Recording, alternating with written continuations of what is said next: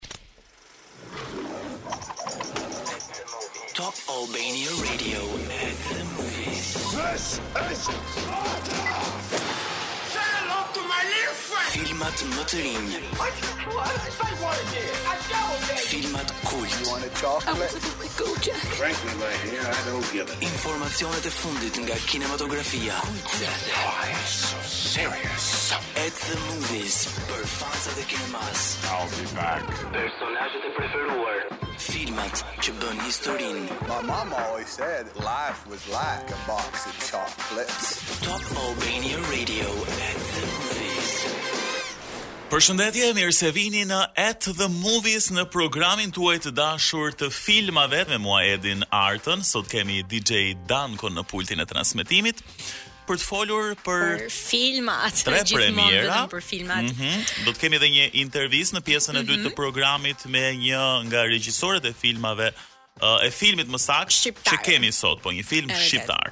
E kemi thënë në fakt që 2021 dhe 2022 që me sa duket po vijon të jetë shumë i suksesshëm edhe për mm -hmm. prodhimet shqiptare dhe sigurisht që në At the Movies Ne gjithmonë na bëhet qejfi që të flasim për prodhimet shqiptare dhe të të mësojmë më shumë ë, edhe të diskutojmë edhe në tërësi për çdo problematikë që uh, hasim ne te filmat shqiptarë apo sa i përqafojmë apo cilat janë ato tematikat që vërtet na mm -hmm. bëjnë që të rendim në sallat e Cineplex. Por sigurisht ky që vjen sot Është një ndër um, ato filma që nuk duhet t'i humbisni. Sa herë që flasim për filma shqiptarë, për premiera shqiptare, nuk mungon edhe thirrja në fakt që e kemi bërë uh, pothuajse në çdo program ku kemi prezantuar premiera shqiptare që duhet të shkojmë t'i shikojmë.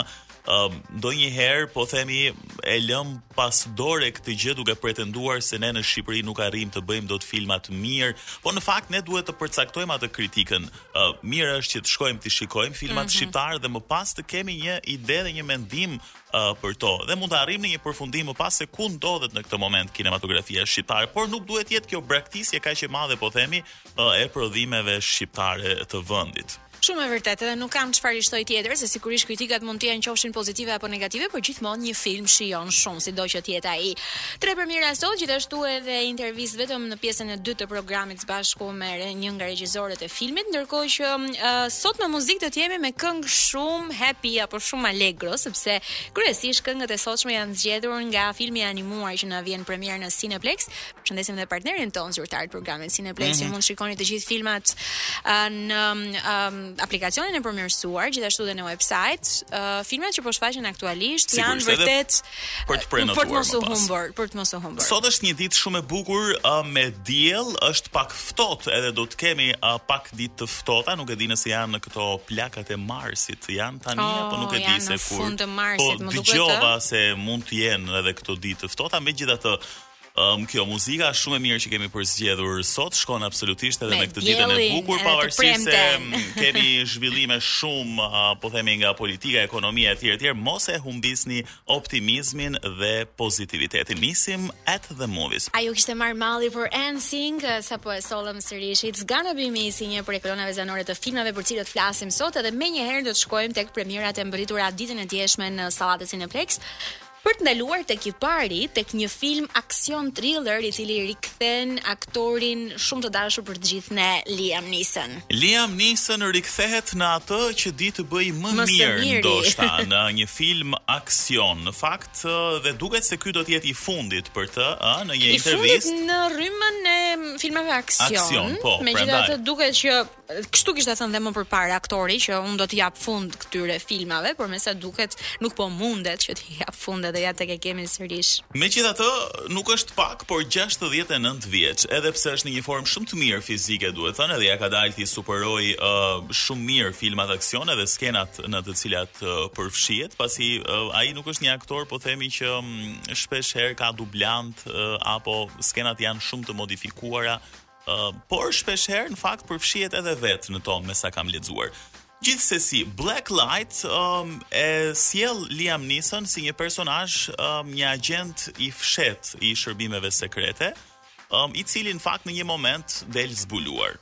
Mhm. Mm Këto shërbime sekrete për të cilat ai punonte i kundërvihen, kështu që në një farë mënyre po. Uh, ky duhet uh, të bëjë gjithçka për të pastruar emrin e tij, po themi edhe për të vënë drejtësi në vend për të ndarë të mirët nga të këqinjtë. Ka shumë aksion, ka thriller, Uh, është një nga uh, këto filmat karakteristikë të Liam Neeson, ku ai nuk dorëzohet deri në fund edhe nëse ti mendon se ai është mposhtur në minutat e fundit, në fakt. Është momenti kur ai është momenti kur ai bën atë daljen e tij të, të jashtëzakonshme.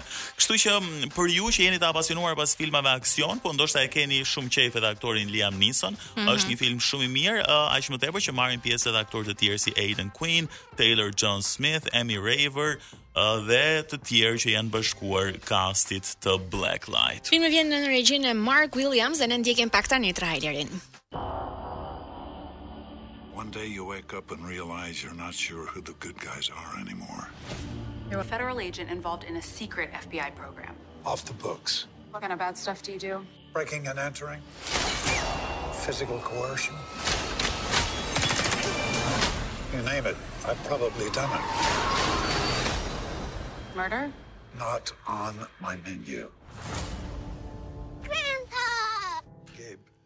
Grandpa, më është një gjysh, por një gjysh që të gjithë do të donin ta kishin. E në fakt zëri i tij tipik sigurisht që na kujton filmat Taken, ë, filmat në të cilët edhe ne u përmendëm. Po lexoja disa fakte interesante, në fakt edhe ishte um, ishte zënë me nipërit e tij dhe nuk mm -hmm. u mhm. kishte folur për disa kohë për shkak se ata kishin parë filmin Taken. Dhe kjo oh. e kishte mërzitur shumë Liam Neeson, po ndoshta sepse aty shfaqet shumë i egër, shfaqet shumë mm. brutal dhe me siguri nipërit e tij kanë pasur një këndvështrim komplet tjetër për gjyshin e tyre, se sa ai që është në Taken. Po në fakt vite më parë dhe ne filluam ndërmorëm një fushatë që i bënim thirrje Liam Neeson dhe i thonim hajde shikoje Shqipërinë sa e bukur po, është, mos mos u nis nga filmat edhe nga. Ai ka luftuar uh, mafiozët dhe kriminelët në thonjza të Shqipërisë në filmin e tij Taken Nuk na e dëgjoi thirrjen, nuk ka ardhur akoma, por ne i bëjmë thirrje që të vijë sërish se do ta mirëpresim shumë mirë. Ndërkohë, ky film me sa duket është cilësuar si një nga ata filma të cilët me sa duket do të ndihmojë arkat filmike, sepse është thënë që nuk është koha tani që të ndjekim sërish ende filma të studios Marvel, dhe me sa duket pasiguria lidhur me pandeminë, ka filluar që ta rigjallërojë të gjithë kinematografinë dhe tashmë jo vetëm thjesht filmat Marvel, të cilët në fakt kanë qenë të shumtë këto dy vitet e fundit. Po edhe më të suksesshmit post Edhe më të suksesshmit e vërtet, por ja të kemi edhe Neeson i cili mm -hmm. uh, gjithashtu jam e sigurt që do të ndikojë uh, ndjeshëm edhe aspektin financiar të, të kinematografisë. Shpresojmë që të ndodhë kështu sepse uh, në një farë mënyre gjërat rrjedhin në mënyrë kronologjike dhe nëse një film ka sukses, po themi më pas do ndërmerren akoma më tepër iniciativa, do shpenzohen akoma shumë para për të sjellë filma më të mirë sepse fitimet po themi do të jenë të garantuara. Mirë, lëmë pas Black, Black Light, Light sepse shkojmë tani tek kemi, një film i animuar. Gjithmonë këtë kombinimin, ne kemi ndonjëherë ndonjë film horror, aksion, kemi edhe një film të animuar për balans, për balans. Turning Red um, titullohet. Vite më përpara, besoj mund të kem qenë fëmijë ndonëse ose ndoshta adoleshente, por unë mezi e prisja fundjavën, zgjohesha mëngjeseve herët sepse në Top Channel transmetohej një film i animuar që quhej Gabimisht përbindësh. Të mm, kujtohet? Dhe ka ngjashmëri më the, me Turning Red. Ka ngjashmëri me Turning Red, sepse ndërkohë që djali te Gabimisht përbindësh shndërrohej në përbindësh sa herë që teshtinte, këtu kemi një vajzë. Ti nuk u shndërrove. Unë jam i tillë 24. Je, okay. Ndërkohë, vajza në fjalë është një vajzë e cila me sa duket sa herë që është në siklet apo turpërohet, ajo shndërrohet në një arush panda të kuq. Okej, okay. qenka komplet e kundërta, domethënë nuk është se shndërrohet në një gjë të frikshme, por në një gjë mm, të lezetshme, po e themi edhe shumë interesante. Ndjekim pak trailerin, trailerin okay. e Turning Red.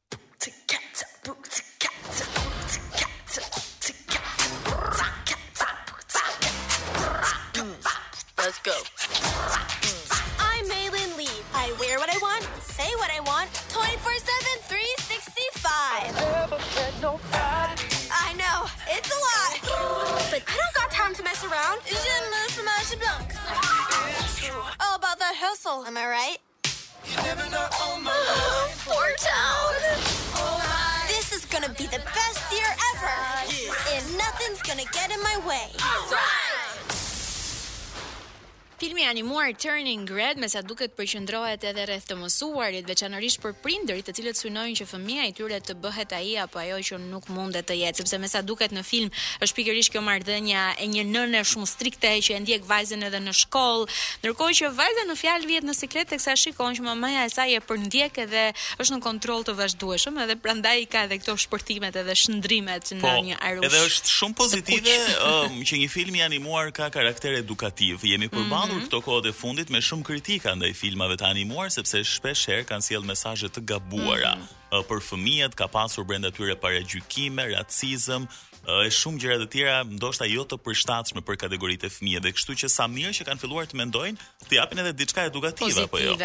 Filmi vjen në regjinë e Domi Shi, regjisore e cila në vitin 2019 mori një çmim Oscar për filmin e shkurtër të animuar Bao, dhe siç e thamë sigurisht që qëllimi i këtij filmi është që të sjellë në jetë tregimin e një vajze aziatiko-kanadeze e cila rritet në periferi, por edhe për të kuptuar më mirë nënën e saj që është shumë e rreptë. Kështu edhe, që Edhe në një mënyrë për të tejkaluar vetveten, ë, ndoshta një fëmijë, ë, mund të përballet me shumë vështirësi në në në jetën e tij, por megjithatë shpesh herë ata që kanë kaluar më shumë vështirësi bëhen ndoshta pak më të suksesshëm, edhe më të fortë, edhe më të fortë. Mirë, vetëm pas pak ne do të prezantojmë edhe premierën e tretë, por nuk do të ndalemi vetëm tek prezantimi, por do të kemi në studio edhe regjisorin um, e filmit Një jetë me ty, prodhimit shqiptar që ne sapo thamë pak më parë. Një jetë me ty, ky premtimi që e duam shumë ta dëgjojmë, sidomos ne femrat. Nuk e di, qarkullon në rrjetet sociale një meme që thotë një javë kalendarike bëhet me një javë kalendarike, një muaj kalendarik bëhet me një muaj kalendarik. Forever with you, zgjat shumë pak. Gjithmonë funksionon kështu. Tani mos ta themi se do i tmerrojmë um, çiftet që tashmë um, janë në një martesë, po megjithatë, ky është titulli i filmit um, që do të flasim tani, është një premierë që um, është dhënë mbrëm në fakt në sallat e Cineplexx. Një jetë me ty është një titull ndoshta shumë i thjeshtë, por mua mm -hmm. më mhm. pëlqeu shumë dhe tingëllon të tingëllon si një titull kënge, nuk e di të vjen në disa forma që është shumë shumë interesante. Për të zbuluar më tepër rreth këtij filmi, ne kemi të ftuar regjisorin Erion Kamen, i cili është tani me ne. Mirë se erdhe. Përshëndetje, kënaqësi. Kënaqësi e jona që të kemi uh, në studio dhe më në fund ne sa herë gëzohemi në fakt që kemi premiera shqiptare.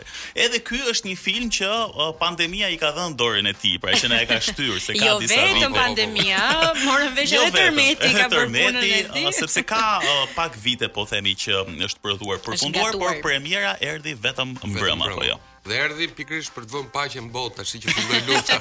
Në një moment deciziv. Po, a vendoset paqja në film Erion? A a uh, njerëzit do të presin biletën dhe të shkojnë në Cineplex dhe ta shohin. Për sa i përket titullit se dua të them diçka për titullin po. me që e përmendët, mhm. është pak titull kështu ambig, nuk është i drejtë për drejtë, nuk është mhm. aq romantik. Edhe në filmin e kemi një komedi satirike, nuk e kemi mhm. komedi romantike. Domethënë varet se si e shikon një jetë me ty mund ta shohësh nga ana romantike, po mund ta shohësh edhe nga ana tjetër, domethënë një jetë me ty ç'më gjeti po. Ai shikon. Taksirat. E ka këtë lloj satire brenda. Po si ka lindur ideja e filmit, ose realisht ndoshta shumë vet mund ta gjejnë veten në film, po Po tani shkurt fare se duhet të themi edhe për ata që po na dëgjojnë, pra në qendër të filmit është vendosur një çift i ri që mm -hmm. pasi kalojnë po themi atë periudhën um, e mjaltit. E mjaltit dashurisë deklaratat vendosin të martohen. Por uh, se çfarë vjen pas martese, kam mhm. përshtypjen mm. që shumë uh, prej atyre të cilët janë të martuar e dinë këtë muhabet. Uh, filmi është pak më i gjerë, nuk është vetëm për martesën, është mhm. për çdo lidhje në çift. Mhm. Uh, se si gjërat e vogla mund të ndikojnë ndonjëherë tek uh, dashuria që kanë për njëri tjetrin. Por duhet ta kuptosh që duhet të lësh disa gjëra nga vetja, të paktën çfarë mund të lësh mhm. dhe Duhet të rrish me tjetrin qoftë se ti e dashuron, qoftë se nuk e dashuron, Ergo, po, po, po ky është sepse ndodh ndonjëherë që mhm. mund të rrish edhe me tjetrin edhe në kushte të tjera, edhe pse nuk nuk ka dashuri. Kjo ka qenë një nga arsyet për shembull që unë çifti ka dy fëmijë në film, po unë nuk i fus fare përveç se në mhm. fund po themi të filmit Nuk i përmend sepse nuk dua të sjell një shkak a jashtë, domethënë që megjithëse janë fëmijët mm -hmm. janë të tyre, të nuk janë dhe aq të jashtëm. Por dua të shoh vetëm uh, marrëdhënien midis midis atyre dyjave. Sa i përket uh, pyetjes së parë, domethënë se si erdhi ideja, ë uh, unë krijimtarinë time kam qejf të flas për gjërat që i njoh. Gjëra të cilat mund t'i shteroj, kam mundësinë që t'i shteroj. Dhe një nga gjërat që unë e njoh është pikërisht jeta bashkëshortore. Unë jam uh, I martuar prej kohësh, prej vitesh, kam dy fëmijë dhe absolutisht gjithë. Edhe personazhi kishte dy fëmijë tani. Disa dhe i kam vajzë djalë fiks. Okej, se po bëjmë lidhje tani. Ë uh, ka gjëra të cilat uh, unë i kam hulumtu, ka gjëra të cilat uh, unë i kam përjetu dhe kam përshtypjen çdo çift, edhe jo i martuar që do vi aty uh, do ta gjej veten. Në mos diku diku tjetër pa diskutim, në një bashkëjetesë patjetër kur flas për gjërat e vogla. Mm -hmm është e pamundur të mos konfliktohesh për kolinozin, për sapunin, për mhm. telekomandën, për fustanin, për xhaketën, për këto gjërat e vogla. Nganjëherë këto mund trashen, mm -hmm. dhe mund të shkojnë drejt fatalitetit, drejt ndarjes, po themi, ëh. Po. Jam kurioz të di si e mendoni ju një çift që do të shkojë ta shikojë filmin në kinema në fund, po themi do dalin pak më të gëzuar. Të lumtur apo do kenë zënë me njëri tjetrin, ja kështu bën dhe ti. Duke menduar që o shiko se ca gjëra edhe me ne. Dje për shembull kishim disa komente që i dëgjonim nga brapa. Uh -huh. Gratë, pse kështu bëj edhe unë, thoshin. Ishte shumë interesante kjo. Po, a ka ndonjë anim për shembull që tregon më shumë se sa të vështirë janë burrat apo se sa të vështira janë gratë? Kjo pasaj ka të bëjë me formën se si është paraqitur, është historia e burrit, të mhm. cilën e tregon burri, bashkëshorti mhm. po themi, okay. ku glorifikon veten dhe nxjerr okay. gruan uh, keq. keq. Dhe pastaj tregon gruaja, ku bën të kundërtën. Gruaja tërësisht skenar tjetër. E, e, e njëjta histori, por e, e treguar totalisht ndryshe dhe ndryshe. Pikërisht këtu e ka marrë edhe shtysën Thua një herë me gruan që tregoja një histori mm -hmm. intime se si isha gjendur keq përpara saj dhe ajo tregoi një histori krejt tjetër, me po të njëjtat fakte, me po të njëjtat ngjarje që kishin ndodhur. Tani se si qëndron e vërteta këtë? Qëndrimi ishte i ndryshëm dhe kjo e bën uh, shumë të larmishëm filmin. Aktorët mm -hmm. janë të mrekullueshëm se kanë nga dy role, domethënë kanë të mirin dhe të keqin, po mm -hmm. e mhm. po e skematizoj, si me thënë. Njëherë bën uh, burrin e mirë dhe pastaj bën uh, burrin Grindar po themi. E në fakt sepse edhe problematikat që shoqërojnë çiftin me sa duket janë uh, të luhatshme. Kemi një herë burrin që gjen një punë të mirë dhe pastaj burrin që mbetet i papunë po, dhe sigurisht që po. sjell ato problemet në në familje. Unë sugjeroj të ndjekim pak trailerin tani. Vjen një moment në jetë kur shumica nga ne martohet. Historia jonë është shumë e thjeshtë, e zakonshme. Ne jemi njohur në dasmën e një mikut tim, Për mua ishte dashuri me shikim të parë. Nuk e kam idenë se çfarë më tërhoqi te ky. Duheshim shumë. Dhe ngado që shkonim bënim dashuri. Na, të Kazanova im. Po vërtet, çfarë i shtyn dy njerëz të lidhin jetën e tyre? Sot më kanë bërë shef të redaksisë në gazetë. Çdo gjë nisi normalisht. Por, gjërat filluan të ndryshonin. Gjëja e parë që ndryshoi në fillim të martesës ishte ajo që unë e konsideroja si pikën tonë më të fortë. Çfarë po themi? Unë dua të kem një fëmijë. Edhe atë fëmijë unë dua ta kem me ty. Ti ke qenë nga më të mirët që kam pas ndonjëherë këtu.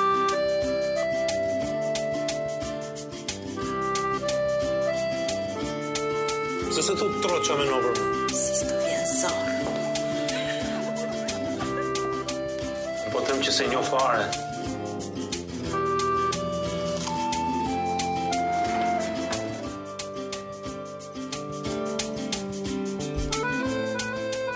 Edhe nga kjo kolona zanore duket sikur vjen shumë qetë, një gjë shumë e bukur, por kam përshtypjen që kur ta shikojmë filmin e plotë ka surpriza brenda. Një çift, role të luajtura nga Dritan Arbana dhe Ajsi Xhaxhaj, por edhe një femër e tretë në mes, luajt nga Sindi Leka. Pse vetëm tre aktorë në këtë film? Çfarë e bën të veçantë? Ky është një projekt nga qendra kombëtare e kinematografisë dhe kanë qenë mm -hmm. projekt projektet independente ose të pavarura, po kështu quhen independente. Ë uh, dhe ka pasur një buxhet minimal. Ëh mm -hmm. uh, nuk po e them shifrën sepse është vërtet shumë e ulët. Dhe sigurisht me atë shifër ne do donim të realizonim diçka shumë ekonomike. Ëh, nuk mund të bësh me aq pak lekë sa ne kishim dispozicion të bënim një një film me me me shumë aktorë, me shumë buxhet, me shumë eksteriere, me megjithatë, këta janë tre aktorët protagonistë, po themi, por ka edhe të ftuar specialë është Genti Kame për shembull që ka mm -hmm. një mhm. rol ë të vogël, simpatik, Gent Përmeti, Armando. Besoj Genti lidhje familjare? Po po, është djali i xhaxhait. Okej. Okay. Ë është Armand Peza për shembull që kanë nga po, rol të vogël po. diku, domethënë sa për ta prekur, madje mhm. diku diku dal edhe unë atje, kështu ah, sigurisht që nuk flas po. Dhe kjo kam përshtypjen që i ka dhënë, edhe pse për pak sekonda jep një një ngjyrë tjetër, po Po mendoja që përveç filmi, pjesës së buxhetit, po. filmi nuk dallohet që është bërë me me aq pak lekë, domethënë mm -hmm. është i plotë, është film i plotë. Mi pa filma pasaj me buxhete që po, sigurisht, sigurisht. Po un po e mendoja edhe në këtë mënyrë që duke vendosur edhe pak aktorë kam përshtypjen që i është mëshuar edhe më fort atyre mm, fenomeneve mm, që ke dashur të godasësh, ose mm -hmm. ndonjëherë kur e përqendron uh, gjënë te pak njerëz, edhe ne e kemi pak më të thjeshtë, sidomos publiku shqiptar që po themi filmat e vështirë ne nuk i kemi shumë qejf, ne pretendojmë mm -hmm. një gjë shumë të thjeshtë, po kur kemi pak aktorë kam përshtypjen që është edhe më e thjeshtë për ta tejçuar më lehtë. Është e thjeshtë, edhe nuk është e thjeshtë, është është vështirë ta mbash një film, domethënë filmi është gati 1 orë 20. Ëh, mm -hmm. uh, rreth 1 orë 20 uh, me me dy aktorë gjithë kohës dhe Sindi që vjen domethënë mbas gjysmës së filmit. Mm -hmm. Është vërtet e vështirë, është sfidë, po të kesh shumë aktorë, është më më kollaj të fusësh ngjarje fakte, sepse ato që e bëjnë të ndjekshëm një film janë pikërisht konfliktet, ngjarjet mm -hmm. dhe faktet. Duhet të ndodhi diçka patjetër. Momentin që aktori flet, flet, flet pafundësisht dhe nuk ndodh asgjë, është e sigurt që ti do do lëvizësh karrigen e kemi... do kërcasësh karrigen e kinemasë, është e sigurt. Këtu domethënë kemi thyerje, pra filmi nuk është i mërzitshëm që po themi, ka, ka që të sëmë të shiko. Po pyt njeri jo. unë e gabuar. Jo, dua të them që në qdo se nga reagimi, absolutisht, në çdo moment ka fakte ndodhin gjëra, gjithë kohës ndodhin gjëra. nga fillimi gjer në fund. Fillon me ngjarje, fillon me martesë. Ëh. Mm -hmm. Që në fillim ë uh, edhe nga reagimet që morëm dje, domethënë një personazh shumë i njohur i, i televizionit, mm -hmm. më tha mhm. domethënë mu u ndjeva keq tha kur kur mbaroi filmi. Doja që të vazhdonte tha dhe ishin nga komplimentet më të bukur që, që mora mbrëm. Më erdhi keq që mbaroi filmi. Që edhe na na kuriozon edhe ne. Ishte Ishte rrëmbyer mbas filmit. Është e sigurt, në teatër ka një shprehje meqë përmenda karrigen. Ëh, uh -huh. në qoftë se lëviz karrigja që bën ashtu kërc kërc, me fjalë, nuk është faji i marangozit. Kuptimin e ka fajin aktori që ose është shfaqja që nuk e mban ëh. Uh, uh -huh spektatorin e ligut. Po qëndro që të mos lëviz nga po, po, po. vendi. Shumë e bukur kjo, shumë e bukur. Ë tani ë Na e the pak më parë që sigurisht e ke e njeh gjën më mirë sepse je edhe vet bashkëshort. Po martesën si e konsideron? Uh, e konsideron uh, si një gjë që është e rrjedhshme dhe nuk është kaq po themi tragjik, tragjik ndoshta nuk është termi i duhur. po kaq të vështirë dhe me kaq të papritura sa na e bëjnë neve beqarëve që jemi akoma dhe kemi kaq shumë frikë nga. A duhet pasu frikë Erion nga, nga martesa? Për të përgjigjur është çike vështirë sepse po dija t'i përgjigjesha nuk do bëja film. do e kisha të qartë. Ë uh, ideja e filmit është që martesa është një betejë e bukur. Mm -hmm. Kjo është po të themi mesazhi ose qëndrimi, por që është betejë, është betejë. Është betejë por e bukur. Patjetër, pa diskutim. Edhe mendoj që kjo dhe, fiks është një përgjigje. Dhe pikërisht këto janë pyetjet që ngre. Çfarë është mhm. martesa? Mm -hmm. Domethënë ç'lidhje ka një burrë dhe një grua që martohen. Nuk njihen fare një ditë të bukur. Nuk njihen, kanë lindur të vetëm, janë rritur më mhm. vete, domethënë dhe një ditë duhet bashkohen, ç'është kjo nevojë sociale për, për, mhm. për t'u bashkuar, për të ndenjur me tjetrin. Dhe, në fund, të dy personazhet thonë, ne nuk i përgjigjemi dot, por mund të tregojmë historinë tonë dhe fillojnë të tregojnë historinë e tyre. Dhe kjo është ajo që mund të bëjë krijuesi, mund të rrëfejë histori. Kaq, storyteller si po, po, për t'i dhënë një përgjigje ndoshta se çfarë është martesa nuk ia ka dhënë mbase askush deri më sot, është shumë e vështirë për ta. Por gjithsesi e sigurt është që çiftet do do gjejnë veten edhe dhe do fillojnë ato diskutimet me njëri tjetrin, ja kështu bën ti e kështu bëj unë. Por ë uh, ky nuk është një film për t'u parë vetëm nga çiftet, ëh, se po po e po e diferencojmë pak këtë gjën, sigurisht um, edhe të tjerët që janë në një lidhje dashurie sepse ne e thamë që filmi nuk përqendrohet vetëm tek martesa, po edhe të tjerë që ndoshta kanë ato krashet, ato fiksimet e tyre dhe për të parë se si si mund të arrijnë më tej. Erion, uh, kjo ka qenë një periudhë uh, e vështirë sigurisht uh, për kinematografinë një herë absolutisht jo vetëm nga ana e mbylljes së kinemave, buxhetit, po kam përshtypjen që nga një anë tjetër mund të ketë frymëzuar edhe shumë njerëz për të bërë punë të mira. Si e ke pasur këtë këtë periudhën e pauzës botërore që ndodh? Uh parvjet kur ishim të mbyllur, uh, jam përpjekur që të shkruaj, po Nuk e gjeta dot atë frymëzimin. Domethënë, nuk ishte ajo qetësia mbase. Ja, nuk ishte ajo qetësia, ishim të shqetësuar, mm -hmm. nuk uh, kurse vjet pata një kështu prodhimtari një çik më të lartë. Parvjet kam qenë edhe i angazhuar me sitcomin, edhe ndoshta kjo. Kurse vjet isha një çik më i qetë dhe jam përpjekur të shkruaj dramë, apo edhe një skenar filmi që e kam në duar akoma sepse ai do shumë kohë që të shkruhet të përfundohet po themi. Ndoshta ky do të jetë edhe një projekt që do ta shikojmë në të ardhmen. Shpresoj shumë, shpresoj shumë. Kam pritshmëri shumë të mëdha te ky skenar. Okej. Okay, po ndonjë mendje për seriale? Për seriale kemi gjithmonë, çështja është gjithmonë te paraja. Paraja Aha, është gjëja që e bën të mundur atë. Mm -hmm. Edhe mbrëmë para se të fillonte filmi, thashë që ju do shihni një film autor, po filmi nuk bëhet vetëm. Mm -hmm. Unë mund ta shoh në ëndërr filmin sa dua, në momentin që nuk mm -hmm. nuk do futej po themi qendra e e kinematografisë, unë nuk do ta realizoja. Po ashtu edhe të gjithë krijuesit, domethënë që nga aktorët, nga Dritan Arbana, nga mm Ajsi nga Sindi, mm -hmm. Gent Rushi është kompozitori i filmit, është Shane Kavana që vjen nga Australia dhe ai mm -hmm. jemi të lidhur mm -hmm. me mhm. Australinë, uh, asistentët dhe gjer te elektricistët e shoferët, domethënë nuk do ishte i mundur filmi. Filmi mm -hmm. është logjistikë. Nuk mund të bëhet pa para, po ashtu edhe sitcomi, ëh. Mm -hmm. Ti mund të kesh një frymëzim, mund të duash ta bësh edhe pa para, Po ti nuk mund ta frymëzosh, mund të frymëzosh një aktor, t'i thuash do bëjmë diçka të madhe andej këtej dhe mund t'ia mbushësh mendjen. Po elektricistit ti nuk ia mbush dot mendjen. Ai e ka punë të përditshme. Se ndonjëherë mm. ne mhm. nuk i mendojmë këto gjëra, po aty fshihet një botë e tërë. Është logjistikë. Është logjistikë.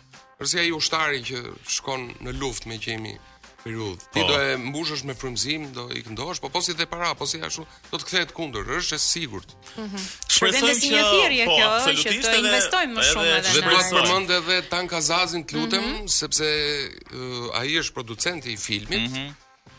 Dhe ka qenë një periudhë vërtet shumë e vështirë për të dy neve, po sidomos tani që ka pas të bëjë direkt me financat, por them që ja dolëm mm -hmm. mbrëmë e pamë që ja dolëm.